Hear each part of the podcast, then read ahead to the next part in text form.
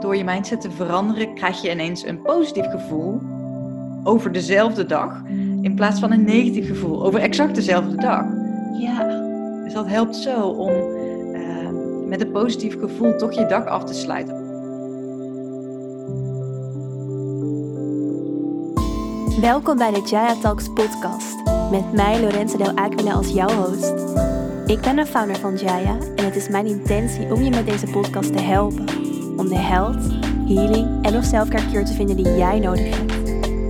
Ik deel vanuit mijn persoonlijke proces, jarenlange ervaring als coach en healer en ga in gesprek met andere experts die hun visie, kennis, tips en tools met je zullen gaan delen.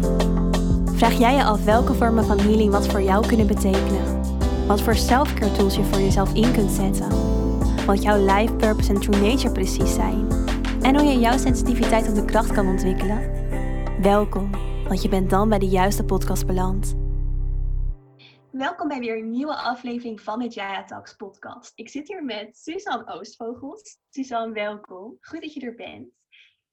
Suzanne, wij kennen elkaar al wat langer. Um, je bent eigenaresse van het Mindful Centrum, waar ik zelf langere tijd yogales en workshops heb gegeven. Je bent psycholoog, mindfulness en zelfcompassietrainer, yoga teacher en meditatie teacher. Suzanne, nogmaals welkom. Goed dat je er bent. Dankjewel. Goed je ja. te Ja, heel leuk om je te spreken. Suzanne, ik begin een podcast altijd met één specifieke vraag. En die vraag is: wat betekent healing voor jou? Wauw, wat betekent healing voor jou? Dat is wel echt een grote vraag eigenlijk, hè? Ja. Voor mij healing. Ik heb altijd een beetje een soort kriebels gehad bij het woord healing. Um, ja. Healing voor mij betekent denk ik wel, als ik het, ja, waarom ik een beetje kriebels daarvan kreeg, is omdat het zo ontastbaar is. Zo, wat is nou eigenlijk healing? Hè? Um, ik had altijd een beetje zo'n gevoel dat healing iets was voor mensen die eigenlijk zelf geen verantwoordelijkheid wilden nemen. En dat ze dan zich door iemand anders geheeld lieten worden, zodat ze zelf niet verantwoordelijkheid voor hun leven hoefden te nemen. Dat gevoel, daar, daar kwamen die kriebels altijd een beetje vandaan.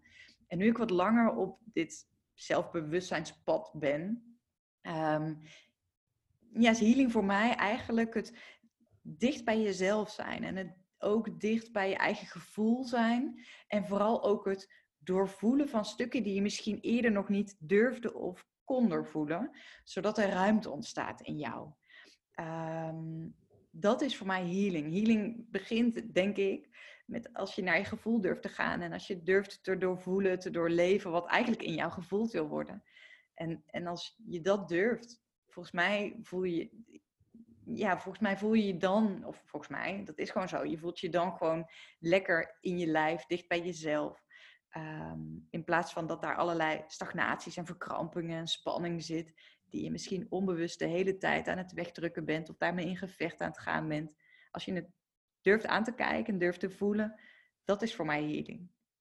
Ja, Mooi. Ik vind het ook heel goed dat je besef, uh, zegt van hé, hey, uh, ik kreeg er eerst een beetje de kriebels bij. Dat is ook echt het doel van de podcast. Om je juist ook, om de luisteraars echt in geven, wat is healing? Het gaat veel verder dan het standaard beeld. Misschien dat je naar een healer gaat, wat natuurlijk ook een onderdeel is van healing. Maar healing is echt ook, ook voor mij heel erg uh, naar binnen keren en kijken wat er zich aandient in jou. En daar wat, wat mee doen, maar vooral door het de ruimte te geven. Wat ik ook heel erg in jouw verhaal hoor. Ja. Ja, bij ja. mij kwam dat vooral pas eigenlijk... Bij mindfulness wordt dat wel een beetje aangeraakt. Zo van, kun je zijn bij wat er nu is? Maar eigenlijk kwam dat pas in echte zelfcompassietraining. Toen ik daarmee aan de slag ging, dan ga je veel meer naar je gevoel toe. En, ja. en daar ontdekte ik eigenlijk die, ja, die diepte en ook die transformatie daarvan. Als je daarbij kan blijven. En als je het durft te voelen. Um, mm-hmm. Ja, ja, dan zeg je daarmee eigenlijk dat mindfulness dus voor jou een opstapje was naar een healingsproces, maar vanuit daar dat je dus veel verder de diepte in bent gegaan? Ja, ja dat is echt wel um, voor mij het begin geweest. Ja, je moet je voorstellen dat ik best wel gewoon praktisch ben opgevoed. Ik kom uit een boerengezin, mijn ouders hadden aardbeien en moesten ook gewoon altijd heel hard werken. Dus gewoon heel nuchter. Um, heel praktisch. En daarna ben ik een universitaire studie gaan doen. Dus daar word je vooral heel erg getriggerd op. Oké, er moet onderzoek zijn gedaan. En, en, en ja, healing is natuurlijk super zweverig en vaag voor als je alles wetenschappelijk wil verklaren.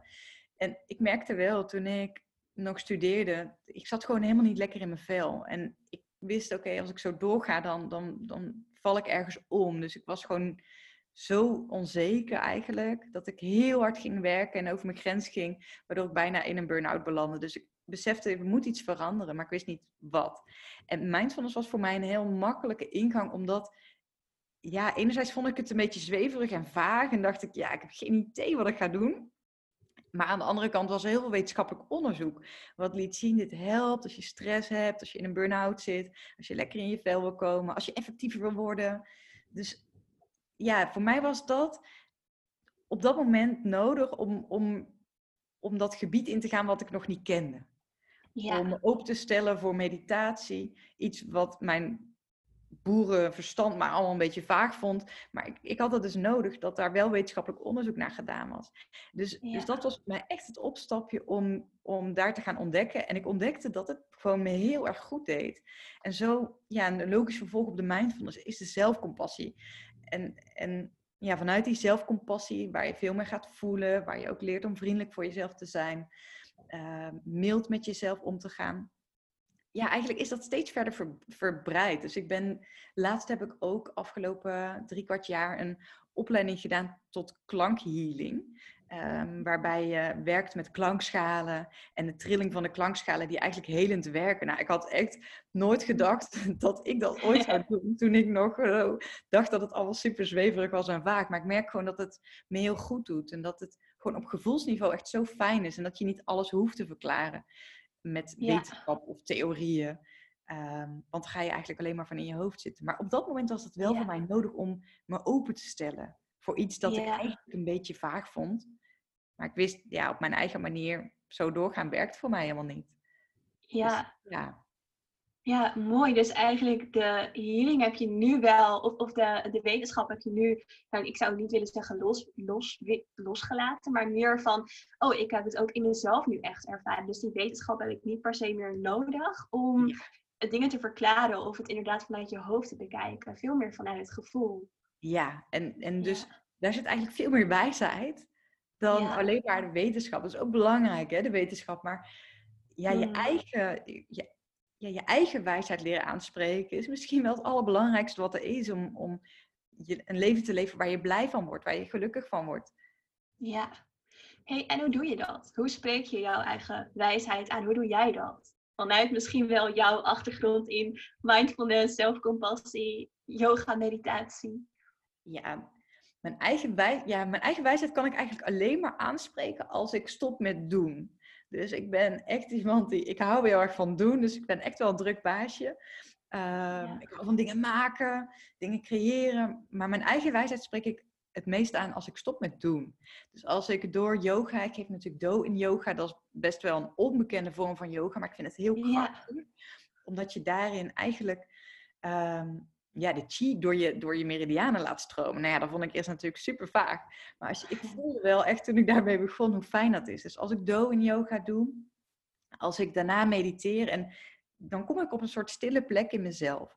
En als ik op die stille plek in mezelf ben, dus even helemaal uit die do-modus. En als ik dan ga schrijven, daar zitten echt ja, de, de, de, de parels, zeg ik wel eens, of het goud, of daar zit echt inzicht. Als je met een bepaald thema in je leven, als ik daarmee worstel of het even niet weet, en ik ga schrijven of ik stel zo'n startvraag, um, doe ik ook heel vaak op de retreats. Dan geef ik mensen gewoon een startvraagje, zodat je vanuit het startvraagje kan gaan schrijven wat er dan maar opkomt. Dus het hoeft niet netjes te zijn. Het hoeft niet logisch, het hoeft niet goed gespeld. Het hoeft totaal betekenisloos te lijken. Maar als je gewoon helemaal leeg gaat schrijven en pas daarna met je kritische mind gaat kijken van oké, wat, heb ik, wat, wat, heb ik eigenlijk opgeschreven? Ja. En wat kan ik daar dan nu mee? Ehm, op die manier kan ik verbinden met mijn eigen wijsheid. Dus dat is niet een wijsheid die je met je hoofd kan bedenken. Maar iets dat, ja, voor mij is het een soort toegangspoort yoga en meditatie en schrijven vandaar ook dat ik dat ook vaak eigenlijk in de retreats altijd doe. Ja. En ook in de zelfcompassietraining verweef ik dat wel. Dat is niet dat ik zo ben opgeleid van, oh, dat, je moet daarbij schrijven. Maar ik merk wel dat dat gewoon heel veel brengt. Ja, ja, heel herkenbaar. Ik geef het ook altijd in mijn online trainingen en coachings. Dus het is echt, je het ook wel automatisch schrijven. Op een gegeven moment heb je het gevoel dat je pen het als het ware overneemt. En dat je dan, als je terugleest, dat je denkt, huh, wat heb ik nou eigenlijk geschreven? Wow, hier zit zoveel wijsheid in. En dan, dan kom je er eigenlijk pas achter hoeveel wijsheid je in je hebt. Uh, via jouw pen komt het er dan vanzelf, al bijna als vanzelf uit. Ja, ja mooi. Ja. En dat is ook, hè, wat je zo zegt, um, triggert me ook wel. Want soms komen mensen zo bij mij en misschien ook bij jou, die, die dan een antwoord willen van jou. Terwijl het antwoord zit in hunzelf. Precies. En het is alleen even een manier zoeken naar hoe je bij dat antwoord in jezelf kunt komen. Ja, ja. En soms heb je natuurlijk wel iemand ja, soms heb je natuurlijk wel iemand nodig die jou de tools aanreikt. Of die, die juist jou bijvoorbeeld het automatisch schrijven leert. Of die dan met je meekijkt van, hé, hey, ik heb dit inzicht, maar hoe ga ik het dan veranderen? Of hoe doorbreek ik nou dit patroon? Dat is natuurlijk weer een, een, een stapje uh, daarna misschien. Maar inderdaad, de inzichten, die heb je altijd in jezelf. Dat is je eigen wijsheid inderdaad. Ja. ja. En het is, ja, wat je ook zegt, hè, belangrijk in uh, ja, anderen te helpen in hoe spreek je die eigen wijsheid aan. En, en, hoe kun je dat dan vertalen naar ook praktisch? Wat ga je dan doen? Want als je naar die eigen wijsheid gaat luisteren, dat is soms ook best wel spannend. Want ja, ik heb bijvoorbeeld echt, ik moet heel vaak denken aan iemand die bij mij de, de Mindfulness en Zelfcompassie training heeft gevolgd. En die kwam dat samen met zijn partner doen. En uiteindelijk zijn ze uit elkaar gegaan. Uiteindelijk heeft hij een andere baan. Echt zijn hele leven staat echt compleet ehm, op zijn kop eigenlijk. Of heeft hij compleet omgegooid. Omdat hij ging zien hoe die zijn leven leefde en wat daarin gebeurde. En wat daarin eigenlijk niet, waar hij niet trouw was aan zijn eigen wijsheid. En waar hij vooral uit zijn hoofd aan het leven was. Dus het heeft wel echt zoveel impact. En ja. is ook ja, soms best wel spannend. Want als je gaat luisteren naar die eigen wijsheid, die vertelt je misschien wel iets heel anders dan hoe je normaal je leven leeft. Ja, ja, ja en ik, wat ik ook heel veel zie, en we zijn natuurlijk allebei yoga-teacher, is, en had ik het pas ook met iemand, uh, een van degenen die ik coach over, en zij zei toen ik yoga ging doen, veranderde heel mijn energie en veranderde de mensen die ik nodig had. Eigenlijk alles veranderde, omdat ik pas ging voelen wat ik echt nodig had en wat voor mij belangrijk was. En ze zei, omdat ik het ook eindelijk pas snapte. Ze zei echt, ik had het gevoel alsof alles in mijn leven bijna veranderde puur door het doen van yoga, omdat ik zoveel meer inzichten kreeg. En dat sluit heel mooi aan bij wat jij nu eigenlijk zegt, inderdaad. Ja, ja. ja prachtig. Als iemand dus echt gaat uh, voelen wat, ja, wat de impact is van hoe iemands leven leeft. Hè? En als die daar, daarmee trouwer leert zijn aan zichzelf en dat goede gevoel volgt, ja, dat is prachtig. Daar word je toch super blij van. Ja, zeker. Mhm. Hey, en kun je ons wat meer vertellen over Do-in Yoga? Uh, ik weet er zelf ook al veel van. Maar voor de luisteraars, kun je er wat meer achtergrond over geven? Want het is natuurlijk een, nou, ik vind het wel een bijzondere vorm van yoga. Het is inderdaad eentje die niet zo heel bekend is. Uh, maar die onwijs veel, uh, ja, hele mooie aspecten kent. Ja, ja, do-in yoga, ik kende het zelf eerst ook niet. Dus ik ging eerst zelf echt een beetje op onderzoek uit. Ik heb verschillende yogavormen geprobeerd. Maar bij heel veel van de yogavormen raakte ik steeds in gevecht met mezelf. Want ik moest dan een kopstand kunnen en het lukte niet. En ik raakte helemaal in, in weerstand. Daar zit vast ook een les voor mij. Hè? Maar ik zocht juist een vorm waarin eigenlijk mindfulness verweven zat. En toen ik Do in ging doen, toen ontdekte ik eigenlijk is dit een vorm van mindful bewegen. Dus wat voel je, wat ervaar je, kun je observeren wat er gebeurt in jezelf. Uh, kun je binnen je grens blijven en mild en vriendelijk zijn. Dus mindfulness en compassie komen daarin heel mooi samen. Eigenlijk is het een soort mindfulness in beweging. Dus dat is eigenlijk wat me in de basis zo aansprak. In het Do in yoga ging me daar natuurlijk verder in verdiepen. In het Do in yoga werken ze met de twaalf meridianen. Dus dat zijn de energiebanen in je lijf. En die zijn verbonden met de organen. En het doel eigenlijk van het Do in yoga is dat je de chi, de energie, goed door je meridianen laat stromen. Want dat zorgt ervoor dat jij lekker in je vel zit en dat jouw weerstand uh, zo hoog mogelijk is. Misschien wel leuk, maar ik weet niet of jij dat weet. Maar oorspronkelijk komt de Do in yoga uit Japan en uit China. En daar werden de artsen betaald voor de tijd dat mensen gezond waren. Dus het was heel belangrijk voor die artsen om ervoor te zorgen dat het volk zo gezond en krachtig mogelijk was. En vanuit die filosofie zijn ze oefeningen gaan bedenken, een reeks met oefeningen, die de mensen zelf thuis konden doen, die echt super helend en krachtig is en zorgt dat je gewoon lekker in je vel zit en gezond en vitaal bent. Dat is eigenlijk ehm, hoe dat ooit is ontstaan. Dus die reeks, je hebt in de Bedoeling Yoga eigenlijk een aantal basisoefeningen. Die basisoefeningen zijn er gewoon voor om jou lekker in je vel te laten zitten. Ja. Um, Doin Yoga werkt met de vijf elementen. En de vijf elementen zijn allemaal gekoppeld aan een orgaan. Net als de meridianen, die zijn ook gekoppeld aan dat orgaan. Ehm, en wat ik zo mooi vind, is dat je in de Doin Yoga heb ik elke week een ander uh, van de elementen die centraal staat. En zo doorloop je eigenlijk de cyclus. Volgens mij heb jij een vorige podcast opgenomen ook over de elementen. Ja, klopt. En dat is eigenlijk wat je met Do in yoga um, gaat voelen en gaat voeden ook. Elk van die elementen en ook de associaties van die elementen. Hè? Dus we zitten nu natuurlijk in de lente, wat eh, ja. te maken heeft met het houtelement, met de energie van de galblaas en de lever. En daar horen ook weer allerlei gekoppelde emoties aan, als boosheid en frustratie, of juist hele creatieve energie en creërende energie.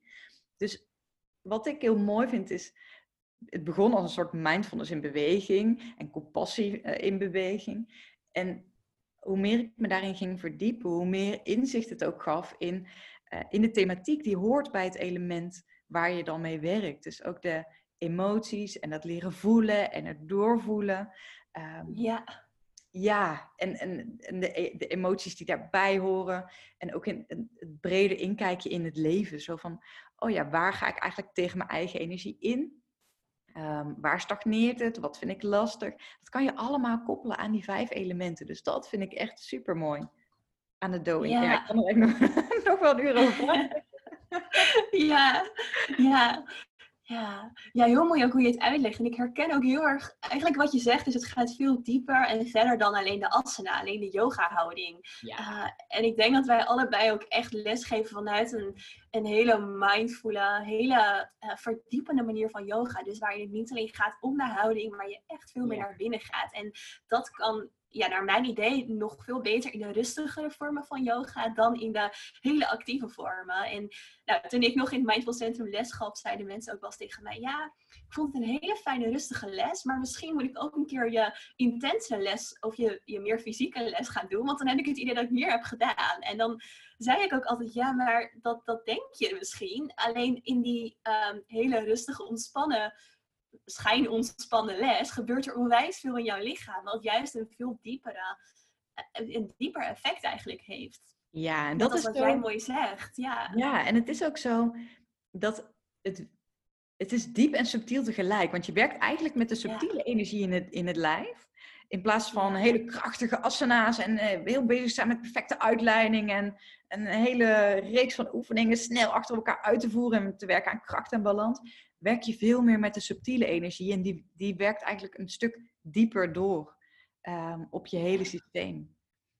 Ja, ja. Ik heb het nooit echt begrepen. Dan... Misschien jij wel hoor, maar ik heb een hatha-opleiding gedaan, ook in Thailand. En ja, ja daar, ik, ik sta me zo'n moment altijd bij dat je dan um, moesten met de, onze benen een spreidje tegen de muur aan. En dan, ja, om jouw spreidje dan daar meer flexibiliteit in te krijgen. En toen dacht ik, maar waarom zou ik daar meer flexibiliteit... Wat, ja. waarom wil ik meer flexibiliteit? Ik wil eigenlijk helemaal niet meer flexibiliteit. Dat is volgens mij niet waar het over gaat. Dat je nee. flexibel of krachtig... Dat is niet waarvoor ik yoga doe. En ook niet waarvoor mensen hier naar de yoga komen. Maar veel meer om te connecten met zichzelf. Met wat er op gevoelsniveau leeft. Uh, ja. Even echt te ontstressen en te ontspannen. In plaats van in een yoga weer te moeten presteren. Ja, helemaal eens. Ook, ook heel herkenbaar. Ik heb dan de Vinyasa-opleiding gedaan. En ja, ik, ik, merk ook dat ik nu niet zo... Of ik vind het wel leuk om af en toe een Vinyasa-les te geven. Meer omdat, ja, het is wel fijn om te doen. Maar juist die andere vormen van yoga, die gaan zoveel dieper. En eh, op een subtiel niveau, wat jij zo, zo heel mooi zegt ja, daar kom je echt bij die emoties. Daar kom je vooral in die verdieping en jouw groeiproces. In dat proces van, zoals ik het noem, echt verbinden met jouw true nature, met je essentie. Van, hey, wie ben je nou diep van binnen? Dat kun je pas voelen als je die stilte in jezelf opzoekt. En ook echt voelt van, hé, hey, welke emoties komen er naar boven? Welke spanning heb ik eigenlijk überhaupt in mijn lijf? En als je kijkt naar de meer fysieke, snellere vormen van yoga, dan heb je niet eens bijna tijd om er überhaupt bij stil te staan, bij hoe iets voor je voelt. Want dan is daar alweer de volgende houding. Ja. Ehm, en inderdaad, je hoeft geen hetzelfde vooroordeel van je moet flexibel zijn voor yoga. Dat hoeft helemaal niet. Je hoeft niet krachtig te zijn. En juist in die vormen ga je toch weer iets nastreven. En ik denk dat yoga juist ons leert, weet je, sta even stil. Wat kom je tegen op de mat? Wat, wat voel je in jezelf? In plaats van, oh, ik moet het zo en zo doen bijvoorbeeld. Ja, en dat is zo zelfs als ik do in geef of, of yin yoga hier, het Mindful Centrum, dan probeer ik echt een setting neer te zetten waarin je gewoon mag zijn wie je bent. Dus, dus dat je hoeft niet flexibeler te zijn dan dat je bent. En je hoeft echt niet een prestatie neer te zetten. Maar hoe vaak ik dat ook zeg, het zit bijna zo in ons hele systeem van hoe we zijn opgevoed dat we steeds moeten presteren en het goed moeten doen. Ja. Dat is echt, het is heel bizar dat het eigenlijk zo hardnekkig is. Hè? Dat we in, en dat heb jij waarschijnlijk ook, denk ik, als je, je bent natuurlijk niet voor niets naar Thailand gegaan. Ehm, het, zit gewoon helemaal verweven in onze maatschappij. Dat presteren en doen, het streven naar perfectie, in plaats van gewoon te zijn. Te zijn met wat er nu is, met wat je nu voelt. En jezelf te omarmen met alles wat er nu is. In plaats van steeds, eigenlijk als het ware onbewust tegen jezelf te zeggen: hé, hey, je bent nog niet oké. Je bent niet oké zoals je bent, want je moet flexibeler, leniger, krachtiger, wat dan ook zijn. Onbewust geef je jezelf daarmee steeds de boodschap: hé, hey, je bent niet oké. Dat is natuurlijk super zonde.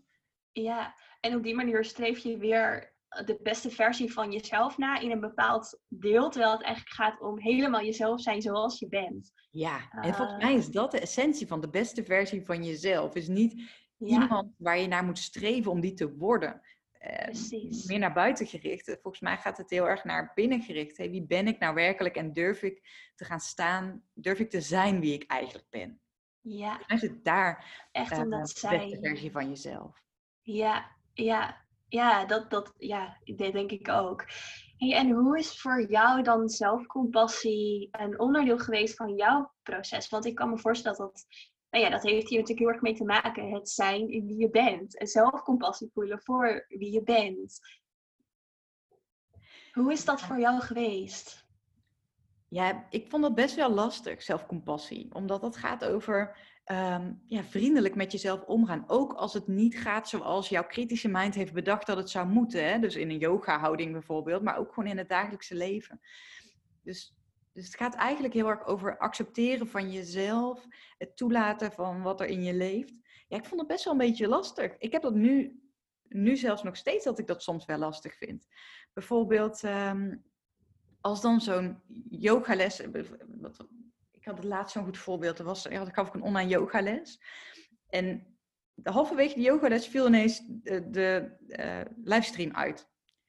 En dat was, nou, dat was trouwens bij de Savasana, dus bij de eindontspanning. Dus het was eigenlijk het perfecte moment. Er was eigenlijk helemaal niks aan de hand.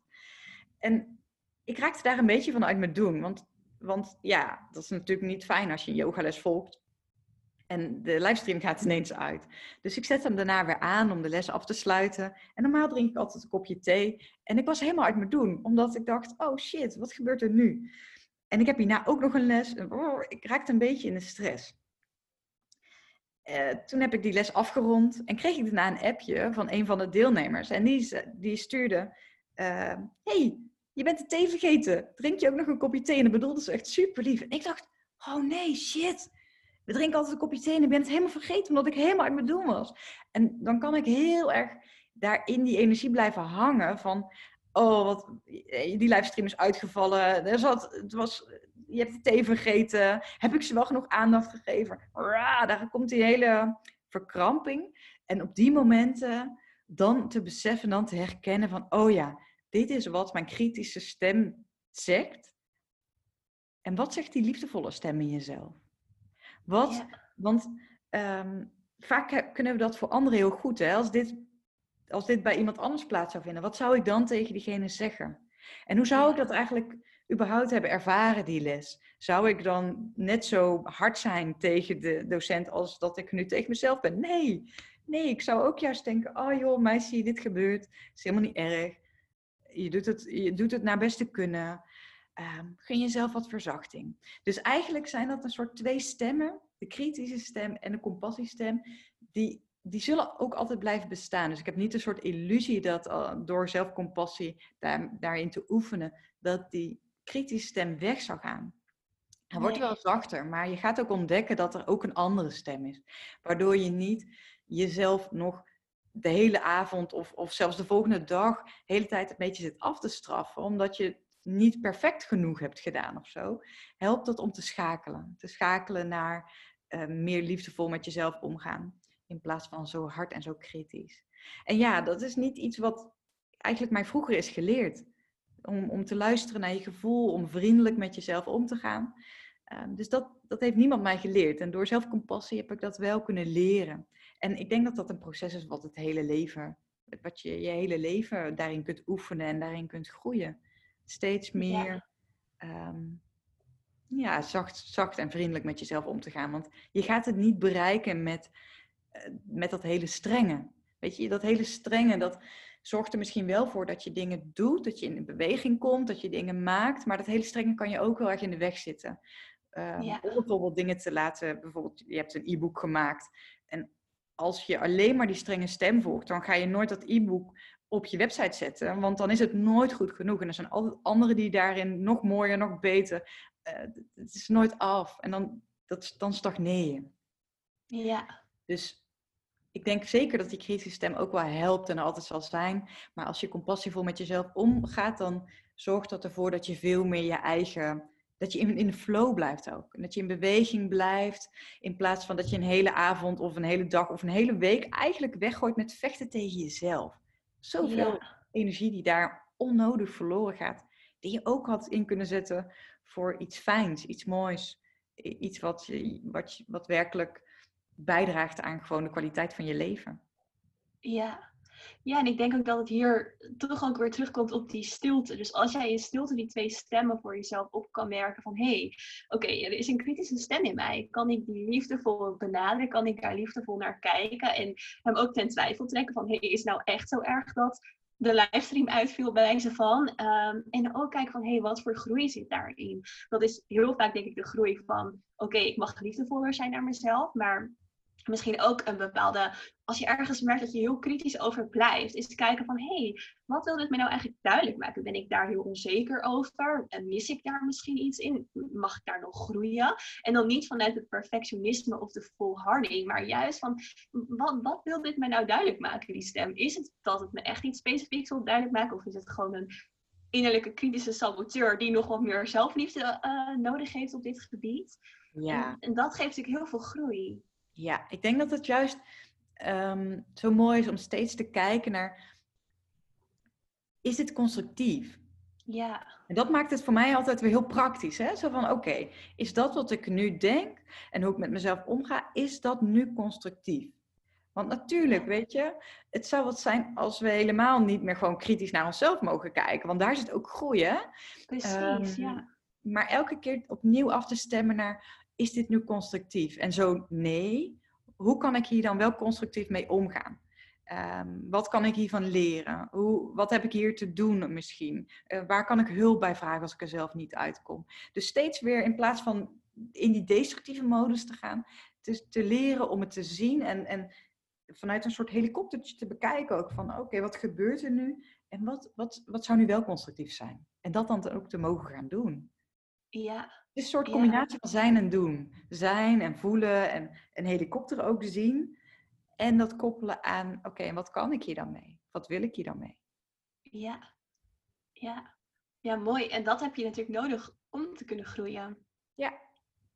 En ook de bereidheid om naar jezelf te kunnen, willen en mogen kijken. Ja. Van, hé, hey, wat, wat is er nou in mij? In plaats van het ook, denk ik, als voor gelijk zo vanzelfsprekend als voor daar aan gaan zien van, oh, ik heb het ook echt verpest met de livestream of ik heb dit of dit gedaan. Nee, is dat ook echt zo? Dat ja. stuk echt in twijfel trekken en het inderdaad nou, heel constructief bekijken uh, voor ja. jezelf.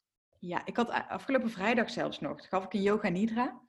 En um, in, vrijdagochtend gaf ik online mindfulness training. En dat deed ik niet bij het mindfulness centrum, want ze waren hier aan het klussen. Dus ik dacht, oké, okay, dit geluid is zo hard van het klussen. Beter ga ik naar huis, ook al heb ik daar een, een klein jongetje van, van ja. ruim één. Um, het geluid wat meesten maakt, mijn zoontje, is vast minder erg dan wat ik nu hoor. Dus ik ging naar, uh, naar huis toe. Ik heb daar die uh, online training gegeven. En de mensen zeiden, oh, het is net alsof, je, alsof er een raam open staat. Kan je daar wat aan doen? Ik zei, nee, dit is denk ik omdat ik nu thuis ben en we wonen aan een weg. Dus je hoort denk ik gewoon de weg. Je kan er even niks aan doen. S'avonds gaf ik de yoga nidra in het Mindful Centrum. Zeiden mensen weer, hey, het geluid is echt heel slecht. Uh, kan je daar iets aan doen? En toen dacht ik, shit, oké, het geluid is slecht. Wat ga ik nu doen? Ik ga nu opschakelen, want ik had mijn telefoon en mijn laptop. Ik dacht, oké, ik, uh, het enige wat nu binnen mijn mogelijkheden ligt, is dat ik via mijn laptop ga streamen. Dus ik via de laptop streamen. Toen zat ik halverwege, nog niet in, in het uh, liggende gedeelte, maar we begonnen met restorative yoga. Dus dat restorative stuk was net afgesloten. En toen belde ineens mijn moeder op mijn laptop. Ik ben super onhandig in die dingen, maar de telefoon stond op niet storen. Maar op mijn laptop ging dus keihard zo'n iPhone-beltoon af. Dus toen was het mijn moeder en toen dacht ik, oké, super. Eerst beginnen we al met het geluid als shit. Daarna belt mijn moeder midden in een yoga nidra. en toen uh, ging die innerlijke criticus ook weer helemaal los daarna. Maar het bijzondere vind ik altijd wel, is dat je vaak niet stilstaat bij um, bij wat je eigenlijk te brengen hebt en wat je eigenlijk bij mensen teweeg brengt. Want vaak kijken we alleen maar naar de dingen die niet goed zijn gegaan. Dus dat mijn moeder dan ineens belt en dat dat geluid slecht is.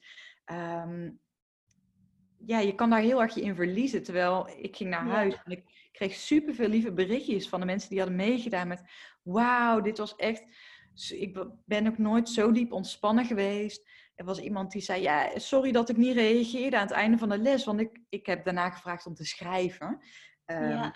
Toen heb ik ook gezegd, misschien wil je langer schrijven. Neem de tijd dan maar. Dus zij stuurde, oh ja, ik ben nog langer gaan schrijven. En haar moeder was afgelopen jaar overleden. Ik heb echt contact gemaakt met, de, met, de, met mijn gidsen en ook met mijn moeder. En het was heel diepgaand en het was zo fijn dat ik echt dacht, oké, mijn innerlijke criticus kan alleen maar gaan zitten uh, focussen op die, die, die aspecten die niet goed zijn gegaan. En dan vergeet je eigenlijk hoeveel mooie dingen er eigenlijk dan niet zijn gebeurd.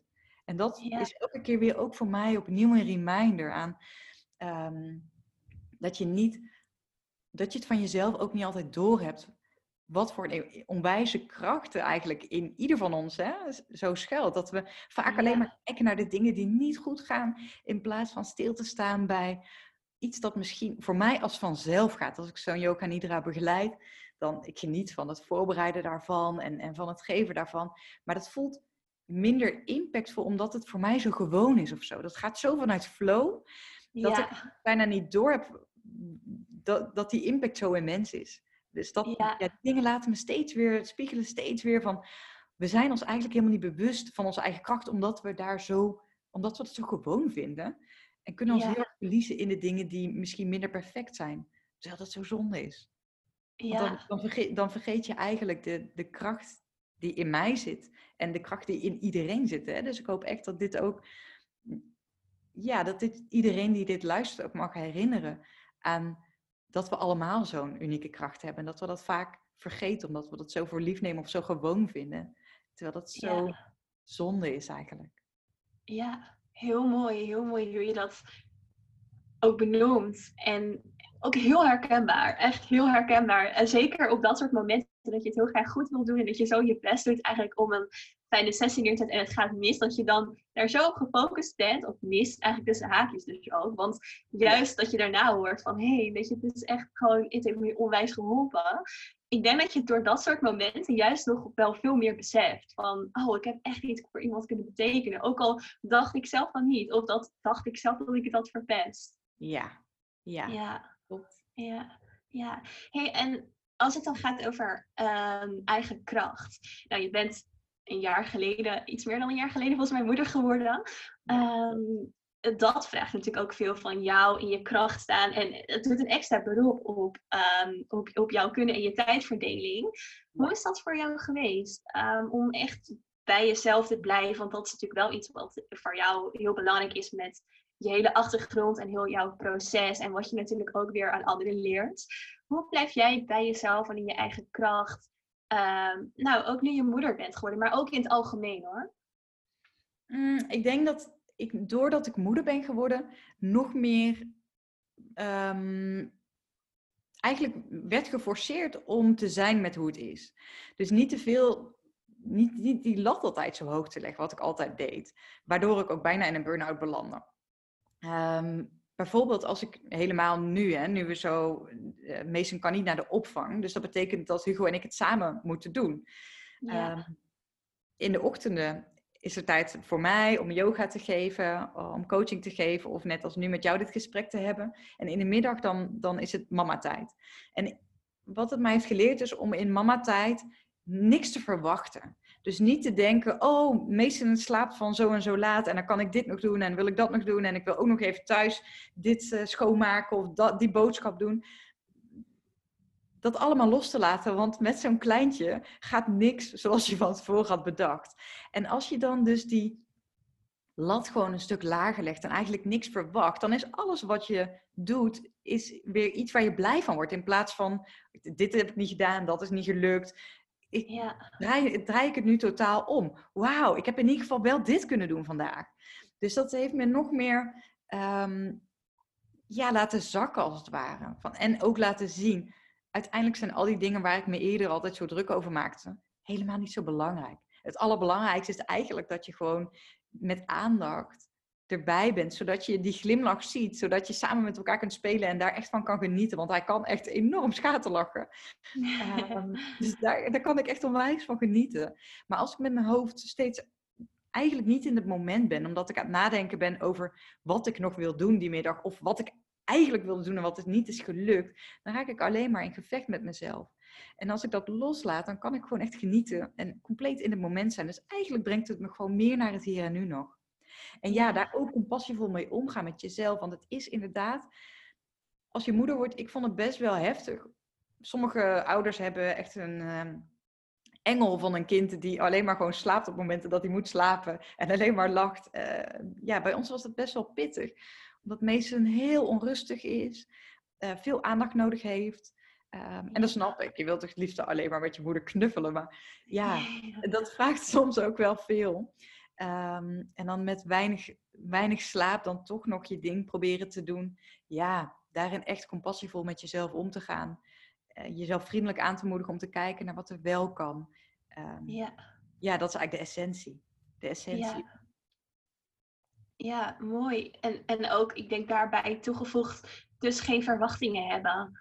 Uh, dat dat ook een heel belangrijk onderdeel ervan is. En ook, ook al ben je geen moeder, ik denk dat dat sowieso iets is wat we allemaal wat minder mogen hebben, wat minder mogen doen. Ook als je, nou ja, toch al veel mensen die luisteren naar een podcast, die hebben of een burn-out, of een burn-out gehad, of een depressie, of ja, het maakt niet uit waar je ook in zit. Maar als je dus je dag niet hebt, of als er een factor is die jouw dag bepaalt, uh, of dat nou een heel leuke factor is van een kindje hebben, of iets wat ja, een beetje buiten jouw macht omgaat, iets waar je vast in zit, of misschien nu wel in de coronatijd dingen zijn die gewoon heel anders voor je zijn en die anders voor je gaan. Van geen verwachtingen hebben en inderdaad kijken van hé, hey, wat kan er wel en wat is er goed gegaan vandaag en waar heb ik van kunnen genieten, in plaats van wat had ik willen of moeten doen. Ja, ja. ja. Een hele andere mindset. En door, die, door je mindset te veranderen, krijg je ineens een positief gevoel over dezelfde dag. In plaats van een negatief gevoel over exact dezelfde dag. Ja. Dus dat helpt zo om ehm, met een positief gevoel toch je dag af te sluiten. Ook al weet je, had je misschien als je lekker in je vel zit, of als je supergoed hebt geslapen, of als je even geen zorg hebt voor je kindjes, had je misschien wel 3000 keer zoveel gedaan voor je gevoel. Ja, dat, daar, daar, opnieuw eigenlijk, is het constructief?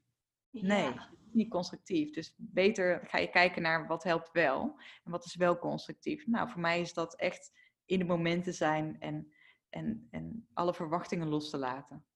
Ja, mooi ook. Eh, echt ultiem mindfulness, denk ik. Heel ja. mindful zijn. Ja. ja. ja. mooi. Hey, we gaan zo um, een beetje naar het einde van het gesprek. Is er nog iets, Suzanne, wat jij mee zou willen geven? Of iets waarvan je zegt van, hé, hey, dat zijn belangrijke tips, dingen die uit dit gesprek voortkomen. En wat is er nog bij jou waarvan je voelt, hé, hey, dat mag nog even uitgesproken worden? Mm. Nou, eigenlijk niet heel veel. Misschien iets kleins dat ik zou mee willen geven. Van, we, we, ja, we leven vaak zo op de automatische piloot en dan gaan we zo door zo'n dag heen en dan racen we vaak zonder dat we daar bewust voor kiezen. Het allerkleinste wat ik je zou willen meegeven, of de luisteraars eigenlijk zou willen meegeven, is al is het maar drie keer drie minuutjes even stil te staan tijdens de dag en in te tunen bij jezelf. Om even weer te voelen, hoe gaat het eigenlijk met mij? Hoe voel ik me nu werkelijk? En, en hoe, kan ik, hoe kan ik een stukje bewuster weer verder? In plaats van in de sneltrein te gaan als je opstaat en aan het einde van de dag uit die sneltrein te stappen en te beseffen, jee, ik heb het gevoel alsof die trein over me heen is gereden. Tijdens de dag even een paar momentjes. En dat misschien in de mindfulness training doen we dat drie keer drie minuutjes per dag. Dat is de allerkortste en de allerbelangrijkste oefening. Omdat het je even laat intunen bij jezelf. En ik denk dat dat, in welke fase je ook zit, waar je ook mee worstelt, dat dat het allerbelangrijkste is om naar jezelf te leren luisteren. En ook om contact te maken met je eigen wijsheid op een hele praktische manier, midden op de dag. En dat hoeft niet groot te zijn. Ik sluit hem vaak af met wat heb ik nu nodig? Ja, ik ook. ja, ja, dat is gewoon echt een vraag die, die zo veelomvattend is. Eigenlijk, wat heb ik nu nodig? Is wat we misschien wel het allermeest vergeten. Om bij onszelf te voelen, wat heb ik nu eigenlijk nodig? Of ik vraag ook wel vaak aan mijn uh, coaching cliënt van, vraag jezelf eens af, wat maakt deze dag voor mij fijn en wat heb ik nodig? Gewoon heel stil bij stilstaan. Dan kom je er eigenlijk achter dat het gewoon en wat het de dag fijn maakt, bijvoorbeeld zitten 10 minuten met een kopje thee is. En dat is eigenlijk zo haalbaar. Terwijl als je er niet bij stilstaat, je alleen maar door je dag heen rent. Of het ja, zoekt in hele grote dingen. Wat maakt vandaag fijn? Nou ja, op vakantie gaan, ja, dat kan niet elke dag. Maar dat, daar gaat het ook helemaal niet om. Het gaat juist om die hele kleine dingetjes. Die je alleen maar met die vragen inderdaad um, eigenlijk daarachter komt als je erbij stilstaat. Ja, en dat heb je misschien ook wel. Ik, als ik met mensen werk, dan is het heel vaak als ik ze dat vertel, dan gaan ze daarmee oefenen en dan komen ze een beetje zo gedesillusioneerd terug. Zo van ja, ja. ik heb wel gevraagd wat, wat ik nu nodig heb, maar ja, er komt nu eigenlijk niks op. En dat komt ook omdat we ons veel te weinig intunen bij onszelf. Ja. En alleen maar bezig zijn met wat, we, wat, wat buiten onszelf ligt en wat we willen bereiken. Precies. het enige wat je kan doen is jezelf gewoon die vraag blijven stellen. Op een gegeven moment komt echt wel het antwoord. Misschien daar zelfs over te journalen, te schrijven.